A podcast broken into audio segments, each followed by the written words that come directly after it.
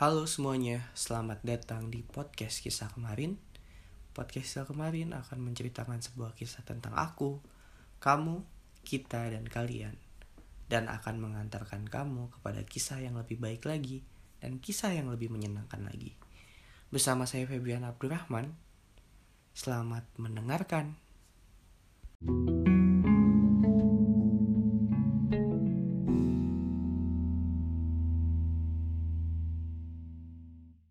Halo semuanya, selamat datang kembali di podcast kisah kemarin. Uh, pada episode ini, saya Febian Abdurrahman akan menceritakan sebuah kisah tentang uh, satu hal yang mungkin udah banyak orang yang ngerasain mungkin dan uh, kali ini episode ini itu tema dari kontennya adalah uh, bercerita tentang kisah. Uh, pertama-tama terima kasih yang udah submit. Terima kasih, saya mewakili tim sangat banyak terima kasih kepada yang udah submit dan mohon maaf kita baru bisa uh, kerjain episode ini karena mungkin kita baru uh, penyesuaian di season-season yang baru ini. Karena ini season 2 ini season yang baru di podcast kita kemarin. Uh, dan mau ngingetin bagi yang mau submit silahkan ke IG-nya itu kisah kemarin.id uh, oke. Okay. galau time tanpa basa-basi. Yuk, dengerin. Selamat mendengarkan. Judulnya Insecure. Insecure. Halo, hai semuanya. Hai juga. Namaku si tukang insecure. Istilah insecure sih muncul sekarang-sekarang tapi aku berada di posisi ini kayaknya dari SD deh. Dan nyampe sekarang. Terlalu dini rasanya buat ngerasain secure di umur segitu. Tapi ya, itu aku. Si tukang insecure. Aku termasuk orang yang pemalu. Tidak percaya diri ketika di hadapan orang-orang merasa tak pantas menjadi pusat perhatian. Rasa ingin selalu dihargai, tapi ekspektasiku tak mencapai itu. Aku insecure, bukan tentang teman yang sedikit atau merasa paling bodoh. Karena bisa dibilang, aku punya banyak banget temen dan selalu sepuluh besar dari SD sampai SMA. Hmm, oke. Okay. Lanjut. Aku insecure ketika merasa teman-temanku, bahkan adik dan kakakku, banyak banget yang naksir. Sementara aku, sementara aku tak sama sekali. Selalu bertanya pada diri sendiri, apakah aku sejelek itu? Apakah aku tak pantas untuk dicintai seseorang?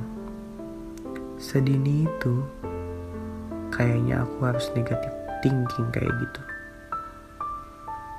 Tapi untung ada satu-satunya cowok pada saat itu yang treat aku like princess. Waktu itu SMA kelas 2. Cowok yang sekarang jadi mantan. Hai mantan. Hai hai hai mantan yang denger uh, siapa tahu denger kan tuh disapa Oke, lanjut. Mantan terlama sih ini. Kita pacaran sekitar dua setengah tahun. Dia bener-bener nerima aku apa adanya. Aku yang super duper burik karena ekskul aku poli dari SMP.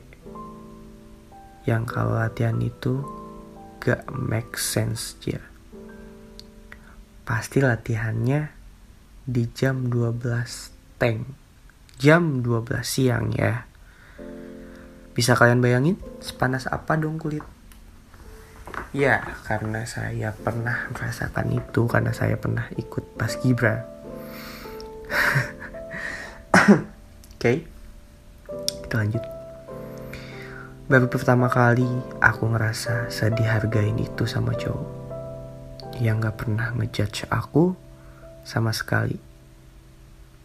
Mau pakai baju apa atau pakai make up kayak gimana. Dia bener-bener selalu puji aku. Kamu cantik hari ini.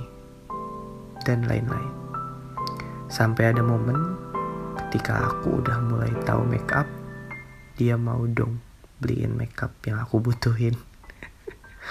Oke. okay. By the way, kita video call karena sering banget LDR. Hmm, buat yang ngerasain LDR, yang sekarang ngerasain LDR, semangat kalian, kalian pasangan yang tangguh. Semangat deh pokoknya. Oke lanjut. Dia bener-bener gak memalingkan penglihatannya dari aku. Dia ngeliatin aku make upan dari awal sampai akhir dan dia bilang kamu cantik. Bener-bener sebahagia itu, rasa dihargai sebagai perempuan. Dia yang bener-bener membangun rasa percaya diri aku. Dia juga yang ngilangin pikiran insecure di aku. Dia yang bener-bener membuat aku seseorang atau seorang wanita apa adanya tanpa menghilangkan jati diri aku sendiri. Sampai akhirnya kita putus karena ada masalah yang fatal. Untukmu, aku ucapkan sangat terima kasih. Waktu cepat berlalu. Akhirnya aku masuk salah satu universitas dan bisa ngurus diri. Sedikit berbeda sama yang zamanan sekolah dulu. Ya walaupun masih burik tapi mending lah. Mulai dari sini aku dulu mikir gak akan pernah masuk list cewek yang diprioritasin karena lihat dulu fisiknya sekarang aku ada di posisi itu sampai tiap hari cowok yang nganterin pulang itu beda-beda. So cantik banget ya aku. Hmm oke. Okay. tapi itu bener adanya. Singkat cerita di semester 3 aku punya pacar yang masih sama aku sampai sekarang. Dia termasuk ganteng sih menurut aku dan teman-teman aku. Dan teman-teman aku. Menurut kamu dan teman-teman kamu oke lanjut. Aku pun awalnya merasa minder aja gitu. Kok dia mau sih sama aku? Yang begini yang gak ada yang harus dibanggain lah. Dan awal cerita percintaan kita dia bener-bener yakinin aku. Kalau iya ini masalah aku yang suka sama kamu. Masalah omongan orang lain mau kayak gimana gimana jangan didengerin. Sampai dia sering banget muji aku. Bener-bener seketika itu hilang pikiran insecure aku di dalam hidup aku. Dan tiba-tiba entah mulai dari mana. Aku tak ingat dia 180 derajat berubah. Ketika hampir setiap kita ketemu, dia pasti bilang, Kok muka kamu kucel sih? Kok kamu pakai baju ini sih? Foto kamu aneh ya, terlalu pakai filter.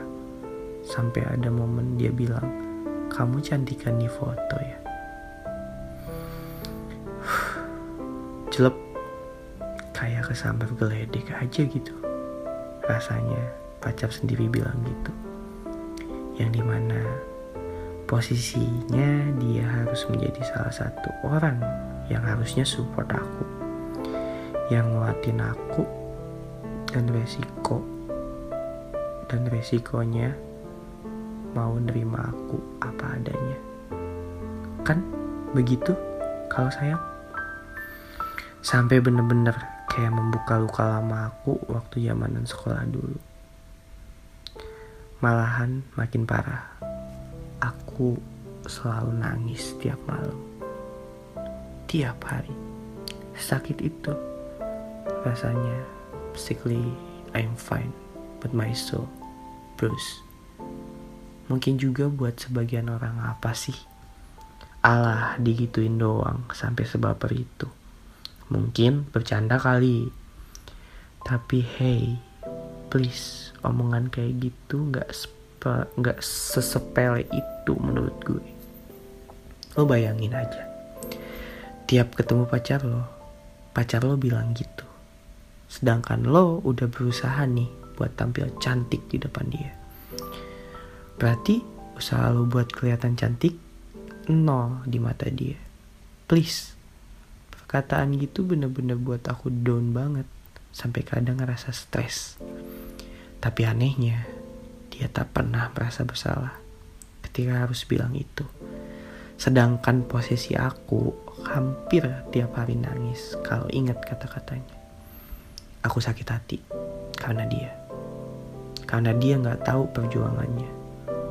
Karena dia nggak tahu perjuangan aku buat terlihat better kayak gini gimana.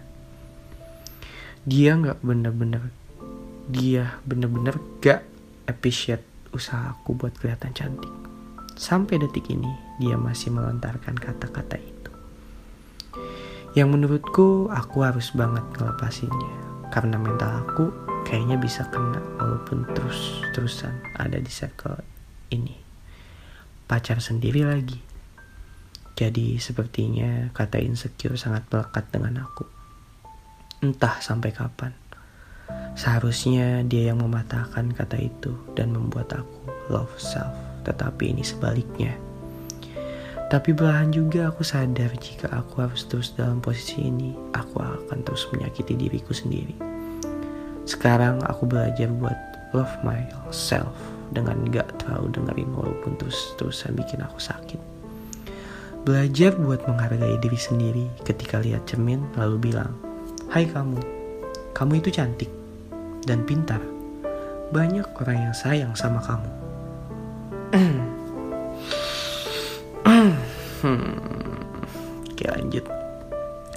Karena menurut aku gak akan pernah ada orang yang benar-benar menghargai selain diri kamu sendiri. Kalau kata Birdman Rock, you are not ugly, just you just think you are. Fuck what you think. Dan itu is true. Kamu gak akan terbentuk dari apa yang kamu pikirkan. Jadi buat kalian para cewek-cewek yang posisinya sama kayak aku dan aku tambahin juga ya buat kalian cowok-cowok yang bis yang biasa juga sering ngerasain insecure dengerin nih. Ayo kita stop bandingin diri kita sama orang lain.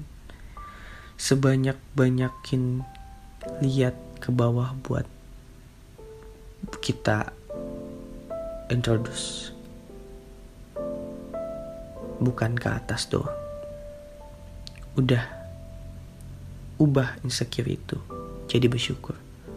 Karena masih banyak orang di luar sana yang kondisinya lebih kurang.